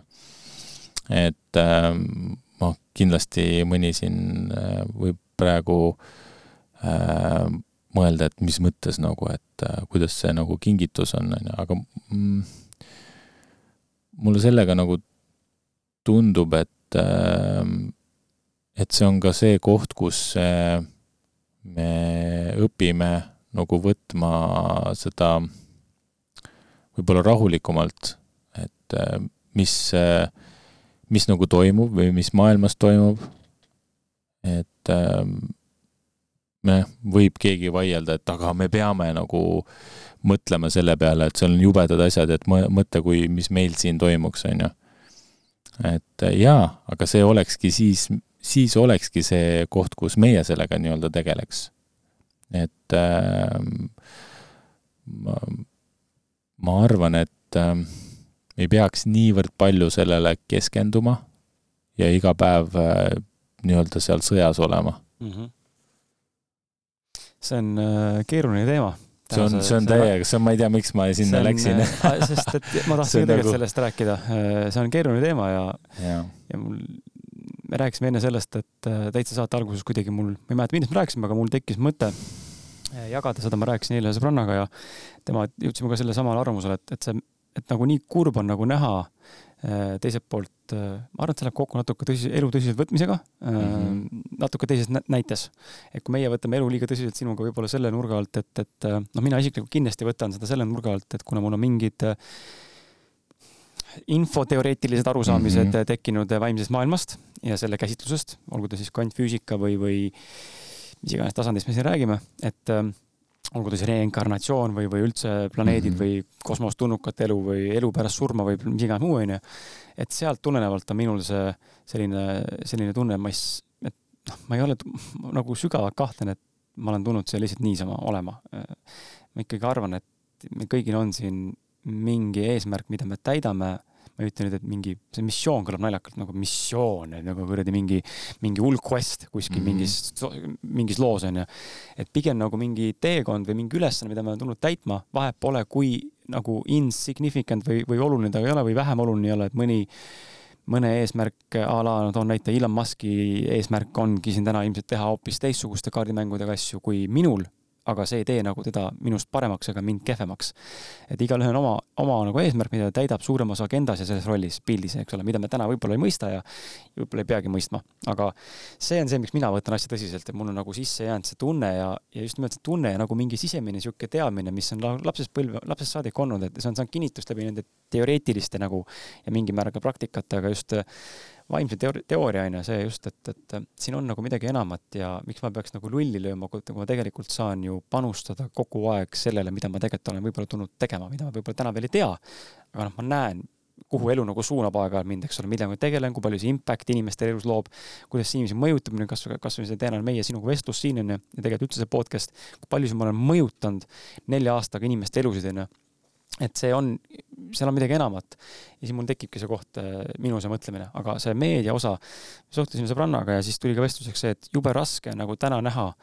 Ja mul ka teinekord on, pigem mul enam ei ole vist, aga alguses oli kindlasti raske näha, kui ma hakkasin meediast äh, emalduma võib-olla mingi kuus-seitse aastat tagasi, eks ole, rohkem televiisorist asjades ka et äh, seda raske nagu näha lähedasi inimesi, kes on nagu nii consumed või nagu sisse võetud sellest, sellest, sellest energiast või sellest, äh, ma ei teagi, pendel sõna tahab tulla, onju, sellest äh, süsteemist, mis on praegu sõda või see Covid või mis iganes muu probleem, see võib olla ka seotud enda isikliku eluga, onju et kas on vaesus või liiga palju raha või ma ei tea, kehv suhe onju või partner petab onju, me lähme nagu nii sisse sellesse probleemi ja noh, loomulikult täna ju meediaga saab kõike väga narratiivi poolest mõjutada ja intensiivistada ja täna seda tehakse väga tugevalt, me oleme kõik näinud ja ma usun, et noh, ma usun, et enamik meist saab täna nagu veenduda või tunnistada, et jah, ka Covid oli väga hea näide, kuidas tegelikult väga nagu retsilt ikka üle võlli ikka teinekord anti nagu informatsiooni, et lihtsalt meid nii-öelda sisuliselt aju kuradi peedistada, onju. Ja eks seal on ka jälle oma agenda, miks seda tehakse, keegi ei tee seda võib-olla halva pärast, onju, Kaja ei taha halba teha piltlikult öeldes, tõenäoliselt. Aga lihtsalt, äh, mida ma tahan jõuda, on see, et äh, just nimelt see pool, tõsiselt võtmine ja, ja ma teist, teistpidi näen ka seda, et inimesed, kes nüüd teises leeris on, võtavad seda kõike ülitõsiselt, seda sõda ja kõiki asju ja ma jällegi siinkohal ka, see on nii õrn teema, et siin nagu nii valesti või nagu nii valesti aru saada, kui ma kasutan valesi sõnu või, või inimene saab minu, minu sõnastusest mõttest valesti aru, et mul ei ole, see ei ole koht, kus ma ütlen nüüd, et, et pohhu nüüd ukrainlased, las surevad ära, onju.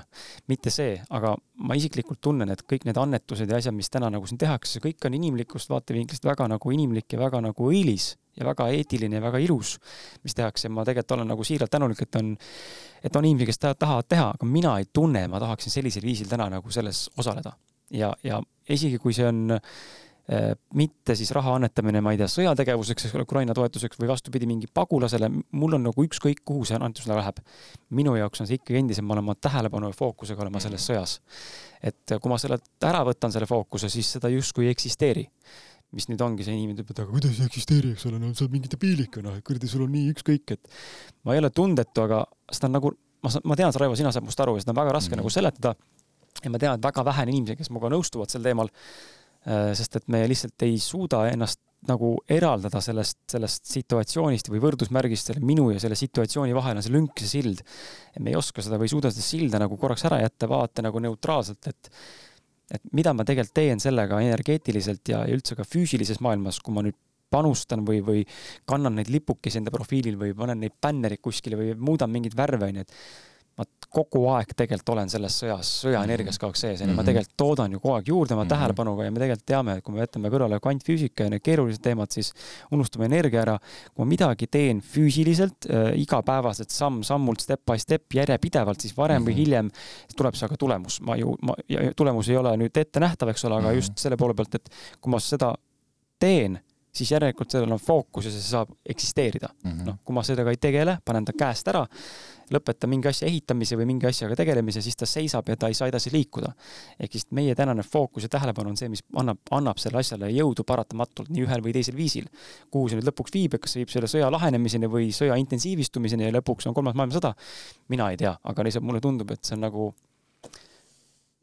keeruline, keeruline koht ja seda on nagu raske nagu inimestele võib-olla nagu seletada, mida ma tahan öelda, aga ma ei tea, tahad sa kuidagi täiendada just, et see võt-, see on ka tegelikult tõsiselt võtmine mm., me võtame liiga tõsiselt seda. just, ma selle, sellepärast ma selle teema nagu võib-olla tõingi näiteks et ähm, panen, miks ma võib-olla selle peale nagu veidi nagu naeran, on see, et et see on niisugune äh, raske teema, on ju, aga see on võib-olla äh, Äh, üks väga hea näide sellest, et äh, kuidas äh, me läheme nagu üksipulgi sellesse nagu teemasse sisse. et, et nagu sa mainisid, et paneme igasuguseid lipukesi ja, ja me, kui me seda niimoodi teeme, siis, siis me olemegi täpselt, ma olen sinuga nõus, et me olemegi selles sõjaenergias ja siis me ei suudagi nagu tegutseda selle, selle näol, et asja meil siin parandada et mm -hmm. seda kogu nagu olemust parandada, sest me oleme poole kohaga oleme seal äh, Ukrainas, paljud võib-olla seda ei mõista või ei saa aru, et aga mina ise nagu isiklikult äh, olen ise tajunud seda, et äh, et kui ma, kui mingi teema nagu, nagu sõidab, nagu nii-öelda käib meil peas, siis ta mõjutab mind nii palju, et äh, mida teadlikumalt äh, nagu enda mõtteid suudad sa nagu kuulata või analüüsida, siis äh, ja kui hakkab see teema pihta, näiteks sama sõjateema, siis see niivõrd palju mõjutab mind, et ma ei saa tegelikult normaalselt, normaalselt äh, mhm. toimida. ja, ja miks ma peaks siis seda enda, endaga tegema mm? -hmm. et, et nii jube, kui see ka ei ole või on või see on noh, see on ka nagu selline äh,, ma ei tea, ma ei tahaks nagu öelda, aga mul kohe nagu see mõte, mis selle juures on, et äh, see on perspektiiv, see on mm -hmm. samamoodi perspektiiv, et äh, et äh, ma ei tea, öeldakse, et äh, noh, mis äh, mis need eelnevad sõjad on, need ongi jubedad olnud. aga keegi on näiteks, mõned on öelnud, aga vaata, tänu nende sõdadele on meie ühiskond edasi arenenud. et äh, edasi arenenud nii tehniliselt kui teadlikult ja nii edasi ja nii edasi. ja noh, mis seal salata, nii see on olnud, et äh, ja, ja paljud asjad nagu juhtuvadki läbi suurte Äh, suurte nagu raskuste mm. -hmm. ka meie elus. Et meie elus kõige raskemad hetked on need, mis teevad meid nii-öelda tugevaks. ja, ja võib-olla sellepärast ma tahakski nagu siinkohal veel sellise positiivsema noodi nii-öelda sisse tuua, et et ükskõik, mis sündmused ka no kuskil äh, ei toimuks, rasked või kerged, siis need on need, mis äh, meid inimestena nii-öelda edasi viivad, kui me suudame jääda, õppida sellest ja mõelda selle peale nagu, et äh, äh loomulikult mõned inimesed sellest ei õpigi. Nad võtavadki, et see on jube, see on raske ja nii edasi ja nii edasi, on ju. noh, loomulikult lapsed sellest äh, lastel on nagu võib-olla kõige raskem, on ju, et need mm, -hmm. nemad on nagu kõige suuremad kannatajad. aga, aga selles mõttes Aafrikas ka on samamoodi meeletult palju lapsi, kes nälgivad ja, ja igapäevaselt surevad, aga miks me neid siis taga ei nuta, et noh, siin ongi see, et me võimegi nagu neid asju nagu lahkama hakata, on ju, mhm. et et ja samamoodi ka meil siin Eestis on lapsi, kes on väga nagu halval järel, miks me neid ei nuta, on ju. Et me ei saagi nutta, sest me, me peaksime nagu tegelema, minu arvates on äh, see, et et mida rohkem me suudame iseennast nii-öelda korda saada ja keskenduda iseendale, siis, siis meil ei olekski neid sõdu ja meil ei oleks neid konflikte mm. -hmm et ähm, ja seepärast me ei peakski nagu sinna keskenduma. võib-olla see, see on nagu kõige, kõige lihtsam niisugune äh, mõte sellele, et et niikaua, kui me keskendume sinna, siis me ei saa ennast korda ja siis nii kaua ka eksisteerivad sõjad. kogu selle teema lõpetuseks mul tuli see näide, et mis Covid nagu mul õpetas või see periood, mis tänaseni mingil määral kestab, eks ole, aga mida ka nagu transurfing tegelikult on mulle võib-olla Äh, õpetanud teoorias, aga Covid on praktikas näidanud, kuidas see tegelikult päris ka nagu töötab. Transurfingust olen siin podcast'is palju juttu olnud ja ja sellest võib-olla täna äh, kindlasti mingil määral natuke räägime ka, aga aga just see pool, et kuna neid võimalusi on, võimalikkuse rohkust on nii palju siin meie maailmas, äh, mida me ei, ei suuda hoomata, et kuidas mingi asi, mingi situatsioon kulmineerub või mis välja tuleb. ja teinekord me ei teagi ja me, üha rohkem tundub, et me ei peagi teadma, kuidas see meieni jõuab aga just see, et äh, hea näide, mis ma olen, millest mina olen nagu aru saanud, et Covid minu elu näiteks ei ole sisuliselt, no sisuliselt ta ei ole mõjutanud, jah, ta on teinud mingid situatsioonid ebameeldivamaks, poes käimine, eks ole, maski kandmine, aga sel hetkel, kui mul hakkab ebameeldiv, nii noh, mõnda aega ma talun seda, ma käin poes, eks ole, vaadatakse võib-olla viltu ja mõni, mõnikord tuleb turvamees ja politsei, eks, juttu ajama, on vähe olukordi olnud sellised, aga mingi hetkeni on see okei okay ja kui mingi hetk tunned, mis mul juhtus ka, et enam ma ei taha, seda mhm. tunnet tunda ja ma olen ärevil seal poes ja ma olen nagu mingi kaak ja mingi pätt ja mingi kuradi sõjaväe, sõjavend onju, terrorist. ma hakkasin lihtsalt, tegin parema valiku, hakkasin tellima e-poest toitu, onju, leidsin parema valiku. Ja alati nagu, ma näen seda, et alati on lahendus igal olukorral, ükskõik kui hapu või, või kibestunud või raske see olukord ka ei tundu, me kohe ei pruugi seda näha, aga see lahendus tuleb, kui me usaldame ja oskame näha nagu silmad mm -hmm. lahti hoida. ja, ja teine hea näide, mis ma nägin ka, on selle puhul see, et, et inimene mõistaks nagu, et kui minu elu, ma usun, et väga palju inimese elusid Covid ei ole mõjutanud, ei finantsiliselt, ei emotsionaalselt, ei mitte kuidagi, sest et noh, mitte midagi pole muutunud, minu jaoks midagi muutunud tegelikult ei ole. Jah, ma ei saa riidepoes käia, mis ma ei, ma saaks, ma paneks maski ette, aga mul on nagu lihtsalt mingi sisemine trots ja sellega peab tegelema, aga ma muidu muus osas, mul nagu suva, ma ei käi nagunii shoppamas kogu aeg. aga hea näide on ka sõjaväe näide, et kui oletame Eesti sõjavägi otsustab ühel hetkel või riik otsustab ühel hetkel, et nii, nüüd on niimoodi, et äh, kõik Eesti mehed lähevad sõtta ja viiakse kodunt ära piltlikult öeldes, tullakse ukse taha, siis väga suure tõenäosusega on olemas ka selline stsenaarium, kus mina, kui olen saavutanud piisavalt oma keskme ja, ja olen väga heas oma kohas oma elus, siis minu maja jäetakse pisteliselt vahele, näiteks. lihtsalt out of nowhere. kõik majad järjest võetakse, aga vot see üks maja jäetakse vahele või mingi muu põhjus, on ju.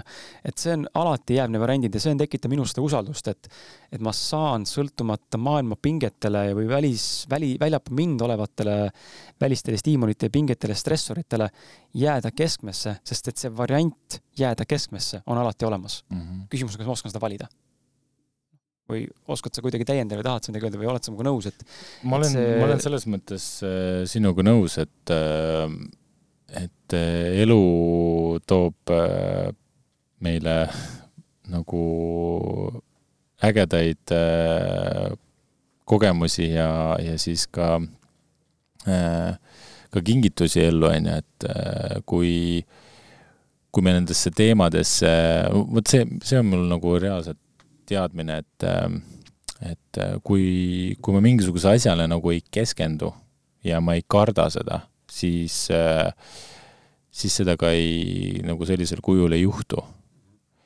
ja, ja võib-olla nagu see, ma tegelikult sellest kogu teemast tahaks nagu, ma tunnen, et praegu ikkagi nagu tuli niisugune veidi selline, selline mustem mingi sünge, sünge mingi teema tuli peale, et ma tahaks La. laveeri minema et ma tahaks sellest nagu praegu siit nagu lahti lasta, et et no vot, see on see nagu raskemad teemad, korra läksid sinna. ja see teg-, ja see tegelikult hukib sind endasse. see, see võtab, võtab just. kinni ja, ja siis see toobki nagu vot siin nüüd kohapeal, nagu me ennem rääkisime, et et kui me räägime nagu südamest ja ei lähe selle emotsiooniga kaasa, vaata siis, siis ei ole ka nagu kellelgi nagu midagi selle, selle vastu öelda, ette heita, on ju.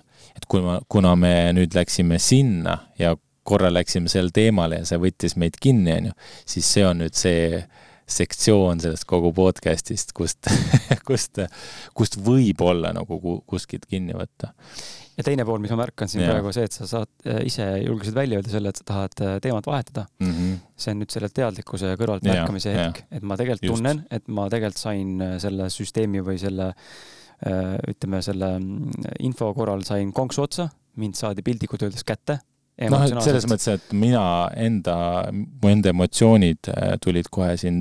just, tunded äh, käivitusid, eks ole. tunded käivitusid, noh, onju. et on sihuke sünge ja ikkagi ja, madal energia, la la la, onju. ja nüüd ma, nüüd ma saangi siin teadlikult märgata, et näed, okei okay,, ma tunnen ennast nüüd pisut äh, madalamalt ja kehvemalt kui võib-olla saate alguse ja. formaadis.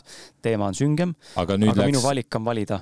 ja, ja, ja nüüd äh, kui vähemasti mina nüüd praegu tunnen, kui me juba seda välja ütlesime, mul on korduvalt juba ennem oli mõttes, et ma ütlen selle välja mm. -hmm. et, et siin on praegu nagu veidi sihuke, läks nagu tumedaks see teema, onju.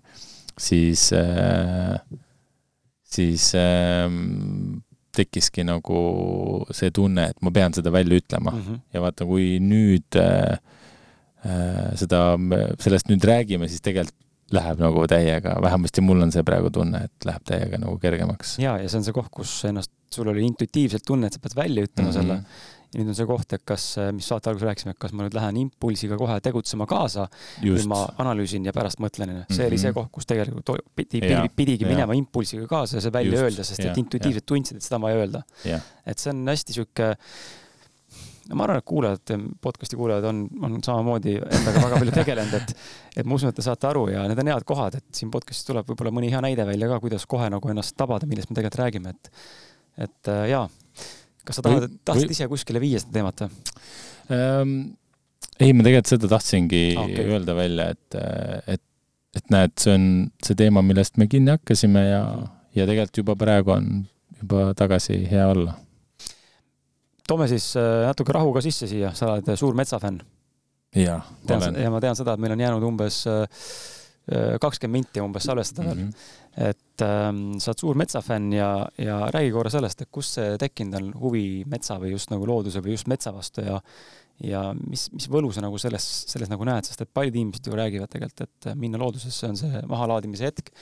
mina ise teen seda üliharva, ma käin jalutamas, noh, mul, ma tunnen, mul nagu sellist mahalaadimist ei ole, võib-olla mul on teine väljund selleks, ma ei tea, et ma näiteks näen, et mind aitab päriselt mängukonsool teinekord, kui ma ikka mm -hmm. stressed out olen ja siis ma lähen sisse ja lülitab ennast välja. Ma küll olen küll mingi stiimuli vastas, aga, aga ma tunnen, et see aitab mul nagu totaalse restardi teha, mul on päevik, eks ole, vahepeal. raamatud enam täna ei aita, neid ma lugeda ei viitsi. Ants Rootson ütles selle kohta, et äh, on aeg hakata tegelema, praktiseerima, et ju siis on infot liiga palju juba, et ja ma tegelikult tunnen ka, et infot on liiga palju ja, ja ei taha lugeda enam eriti.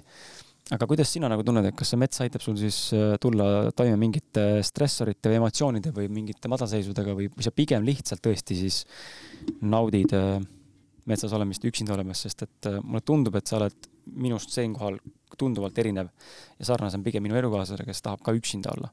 teinekord mm -hmm. oma aega nagu saada, mina näiteks ei saa üldse aru sellest. nagu ma, ma saan nagu aru, kui sa vajad seda, aga mul ei ole endal seda vajadust.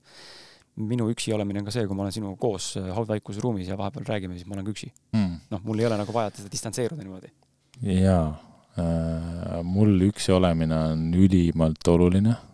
ma pole sellest äh, oma elus pikalt nagu ma sellest aru ei saanud.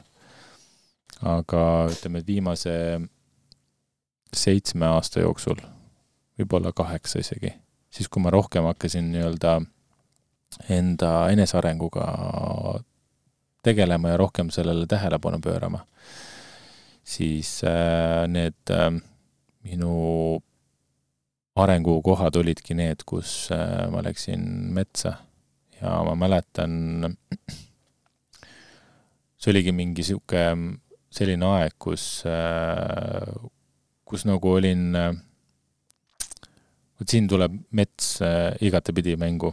no esiteks ta tuleb mängu sellega, et ma olen pea oma, alates viiendast eluaastast olen elanud niimoodi, et mul on, oli vanemate maja ja vanemate maja oli kohe metsa kõrval, see on tänaseni nii mm. -hmm. ja ometigi me, mul ema elab äh, Tallinnas, aga see on Tallinna linna piiril, et äh, et põhimõtteliselt on niimoodi, tuled uksest välja, sa oled kohe metsas. ja mets ikka nagu süva, süva suur mets, mitte no, mingi mitte, väike tukake? selles mõttes ta on ikkagi nagu mets jah mm, -hmm. et äh, mitte mingi väga suur mets, aga noh, sealt saab edasi ja, minna, on ju. aga noh, lapsepõlv mul möödus äh, väga heas kohas, ma, ma olen täiega tänulik enda elule, et ma sattusin ja et mu vanemad sellisesse kohta nii-öelda kolisid. et äh, olin, elasin linnas, aga samas olin täiesti nagu linnast väljas mm. -hmm. et äh, vahepeal tundsin ennast kui nagu maa, maapoiss aga äh, mets ja üksi olek äh, mul kohe tuleb meelde üks lugu, ma olen seda enda, enda poisile rääkinud, et et kui ma olin seal kolme-nelja-aastane, siis seal vahemikus, siis mind võttis isa seesama maja ehitusele kaasa. ja, ja ainukene pilt sellest kogu sellest äh, maja ehitusest või üldse seal olemisest selle maja ehituse ajal on mul see, et äh, ma istun äh, poolikus äh, garaažis, kus on aken ja akna ees on äh, siis need vannitoaplaadid, hunnik vannitoaplaate, ma istun seal peal, selle vannitoaplaadi hunniku peal ja vaatan aknast sinna metsa poole välja ja päike paistab sinna sisse.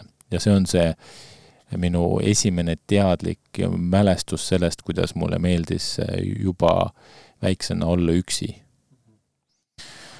Äh, ja noh, lõpetades sellega, et ma hästi palju lapsepõlves nagu mängisin üksi, mulle meeldis üksi olla metsas, mängisin metsas üksi, käisin metsas üksi, muidugi mul oli palju sõpru ka seal mm, -hmm. aga, aga oli palju aega, kus ma tegelikult üksi olin ja ma isegi ei tahtnud kedagi, kedagi nagu isegi otsida enda sõpradest ülesse, et kellega mängida, sest mul oli üksi väga hea olla.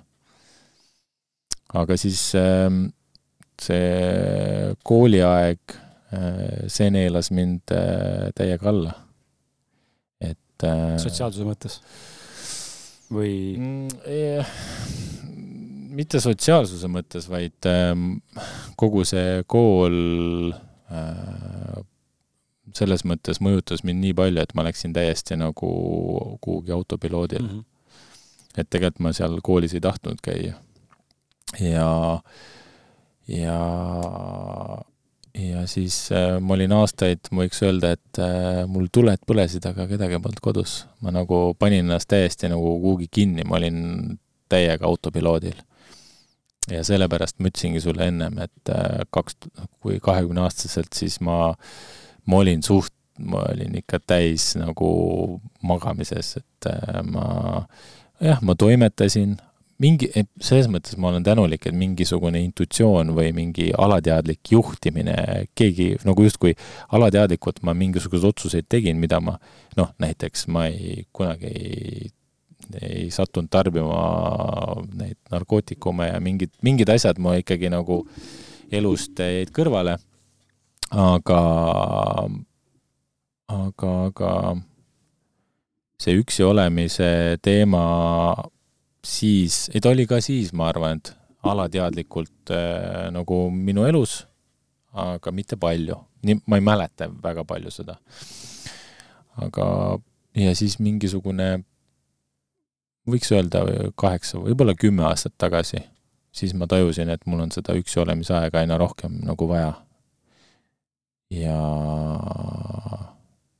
ja siis sealt hakkasid tulema see, et ma läksin lihtsalt metsa üksi mm. -hmm. Ja istusingi, istusingi võib-olla ühe koha peal kaks tundi, et see oli, see oli võib-olla, ma ei, noh, vot see oli mingisugune teadmine, et ma tahan oma elus midagi muuta, sest ma ei olnud oma tollase eluga nagu rahul. et äh, nagu toimetasin küll, täiega toimetasin, aga asi nagu ei liikunud mitte kuhugi ja, ja niisugune seisak oli ka suhtes ja et, et oli, oli niisugune nagu midagi ei liikunud mm. -hmm. ja ma käisingi siis metsas äh, istumas ja siis mul tuli niisugune teadlik mingi nagu justkui oleks mingi dialoog selle metsaga, onju. et äh, pöördusin äh, metsa poole, no räägin seda esimest korda, seda lugu et nagu justkui oleks mõttes pöördunud metsa poole, et, et, et mida ma pean tegema nagu. et, et siit seda asja nagu, et kuidas asi nagu liikuma enda elus saada. ja siis tuli teadmine, et, et lihtsalt nagu justkui taotle, et nüüdsest ma muutun ja liigun nagu oma elus edasi mm. -hmm. ja, ja mingisugune ei, see ei käinud mingisugune mega mingi, kõik hakkas muutuma, onju. et vaikselt, vaikselt hakkas see muutuma ja, ja mingi periooditi ma ikka sealsamas metsas nagu käisin istumas. et äh, kuni vahepeal niimoodi lähen valges ja olen istunud nii kaua, kuni täiesti on nagu kott pime ja siis tulen sealt ära. nüüd ma nii, nii ekstreemselt ma ei tee, aga aga siis olid need, need korrad. Ja siis äh, ja siis aina aastatega oli, tundsin ma ära, et äh, ma pean vahepeal äh, selleks, et äh, ennast korda saada, ma pean metsa tagasi minema. ja mets ongi niisugune minu jaoks mitte see ei ole kogu aeg, aga vahepeal tekib niisugune justkui selline dialoog mõttes metsaga. See, mitte et mingi, mingi hull rääkimine, vaid niisugune kuidagi, ma tunnen, kuidas äh, nagu ma olen metsaga nii-öelda koos mm. ja see, see kuidagi aitab äh, ennast äh, nagu tuua tagasi keskmesse, et isegi kui mingisugune raske äh, periood on, siis äh, tegelikult see kõik lahustub ja see on, see on lihtsalt mul ise, ma ise usun, et äh, kõik need raskes, raskused äh, ja keerulised ajad ja mingisugused situatsioonid, äh, see on lihtsalt, me ise mõtleme selle palju hullemaks, kui see tegelikult on, või noh, ma, mina mõtlen, parandan. Mm, -hmm. mina mõtlen ise seda, et et kui see tegelikult on, et kui ma lähen sinna metsa, siis vaatan, tegelikult ei ole ju mitte midagi viga ju, kõik on jumalast hästi. Ma lihtsalt mõtlen selle hullemaks ja sealt hakkasid tulema ideed. ja ideid hakkas niimoodi tulema, et äh, ma ei isegi, mul oli vahepeal selline tunne, et äh, ma pean märkmiku kaasa võtma metsa, sest noh, nii palju mõtteid tuli. ja, aga märkmikuga on nagu tülikas, vaata, sa ei suuda nagu kõiki mõtteid nagu kirja panna. ma muidu käisin metsas, ma kunagi telefoni kaasa võtnud nagu siiamaani ma tegelikult ei taha endaga telefoni kaasa võtta, et ma tunnen, et see on nagu mingisugune asi, mis minuga kaasas nii-öelda on. et ma jätsin telefoni maha, aga mingist perioodist ma tajusin, et mul on vaja seda infot salvestama hakata, mingi mõtteid. ja siis mingisugusel korral tekkis tunne, et okei okay,, nüüd ma võtan telefoni kaasa, et salvestada oma mõtteid või, või ma noh, salvestasin mingi enda, rääkisin nagu peale ja, ja see, jah, niimoodi on mul see suhe metsaga ja see tänaseni, kui ma mingi periood ei käi, näiteks jääb mõni kuu isegi jääb vahele, enam, väga harva, kui see jääb kuu vahele, siis mul tekib tunne, fuck. ma, ma pean minema, ma, ma pean minema, see on, sest äh, selline, võib-olla see on sõltuvus et ma, ma pean minema mm. -hmm. et või pean saama, et äh, kui muud moodi ei saa, siis ma pakun kas või enda perele, et lähme, lähme metsa ja siis meil ongi vahepeal nii, et äh, lähme neljakesi, koer on siis neljas, lähme, lähme metsa, jalutame ja see ei pea olema mingisugune eepiline mingi jõhker rännak, on ju. et piisab äh, poolest tunnistki või noh, tund on juba minu jaoks ülihea, et äh, ja, ja siis ei pea olema seal, et sa, ma ei tea, pead istuma kuskil, vaid lihtsalt jalutad, lihtsalt jalutad, vaatad äh, ja see, sellest, sellest juba piisab. kuulad vaikust? kuulan vaikust, jaa. Aga lõpetuseks, kas sa küsi, küsiks niimoodi ka veel, et äh, me räägime üksinda olemisest, siis äh, mis sa arvad, kas see on midagi, mida iga inimene võiks, me ei saa öelda, et peaks, aga võiks kogeda ja harjutada? Sest ma ise olen näinud ka, et tihtipeale just üksinda tekivad need, üksinda olles hakkab, hakkab tööle see monkey mind ja teinekord väga tugevalt, eks ole, enda saboteerimine ja kritiseerimine ja ja kõik see muu, võib ka teistpidi tööle hakata just nimelt looming ja muu asi, onju, kas sa näed, et üksinda olemine on ilmtingimata hädavajalik äh, praktika või samme, mida iga inimene võiks kogeda, et iseendaga paremasse kontakti jõuda? no ma ei võib-olla ei oleks õige, et äh, see kõigil on, aga ma ise usun küll, et, äh, et see on ainus äh, tee, kuidas me iseendani nagu jõuame. et kuidas sa saadki nagu jõuda iseendani, kui sa sama aeg suhtled ja oled teistega. et ma ise näiteks tajun seda, et miks mul on seda oma aega vaja. et isegi, kui ma olen kodus ja mul on äh, ma ei tea, elukaaslane või, või näiteks äh, ma te-, tegelikult lapsepõlves tundsin ka, et äh, kui kedagi pole kodus, kogu maja vibe on hoopis teine. et äh, ma tunnen kohe, et kõik on nagu, nagu rahus, vaikuses. ma, ma, see on umbes, ma tean, et sa vahepeal tõusid varakult üles hommikul vot see on seesama vibe, et kui sa tõused varahommikul üles ja kõik magavad, sa tajud, kõik magab. vot seesama vibe on äh, ka see tunne, see energia on, et see on äh,, ei ole mingisuguseid muid äh, ma ei tea, ma ei tahaks öelda segajaid, aga sa tunned, et on maailm seisab. maailm seisab, on ju. Mhm. nii et see seesama tunne on äh, üksi olles, et äh, kui kui sa tead, et kedagi nagu, või sa tunned, et kedagi lähedal ei ole, see on hoopis teistsugune, teistsugune tunne, sest äh, mul on see arusaam tekkinud, et meid äh, kõik ümbritseb mingisugune energia ja, ja see energia ei ole lihtsalt, et äh, ma ei tea äh,, siin paar meetrit, vaid, vaid on palju rohkematki mm. -hmm. ja, ja see mõjutab, me kõik ristume selle energiaga see kõik me üksteist nagu mõjutame ja nüüd sellepärast äh, vähemasti minu jaoks äh, ongi vajalik, et ma saaks vahepeal olla täiesti üksi mm -hmm. et näiteks äh, mingi periood, nüüd ma suudan seda paremini kuidagimoodi ohjata, aga mingi periood oli nii, et äh, mingi periood oli nii, et äh, ma suurlinnades ma alati, kui tulin näiteks kuskilt suurlinnast, siis ma tundsin, ma olen nagu täiega nagu läbi. tühi? tühi, jah. ma tunnen sama. et äh, nüüd seda ei ole, nüüd ma kuidagi oskan ennast paremini hoida, aga muidu oli küll, et ma täiega tundsin ennast nagu tühjana. -hmm. et äh, jah. tõmbame siin äh, saate kokku poolteist tundi on saanud vesteldud, aga mul on hea, hea, hea üllatus või hea uudis kuulajatele ja Raivole ka, et Vol kaks tuleb ka otsa.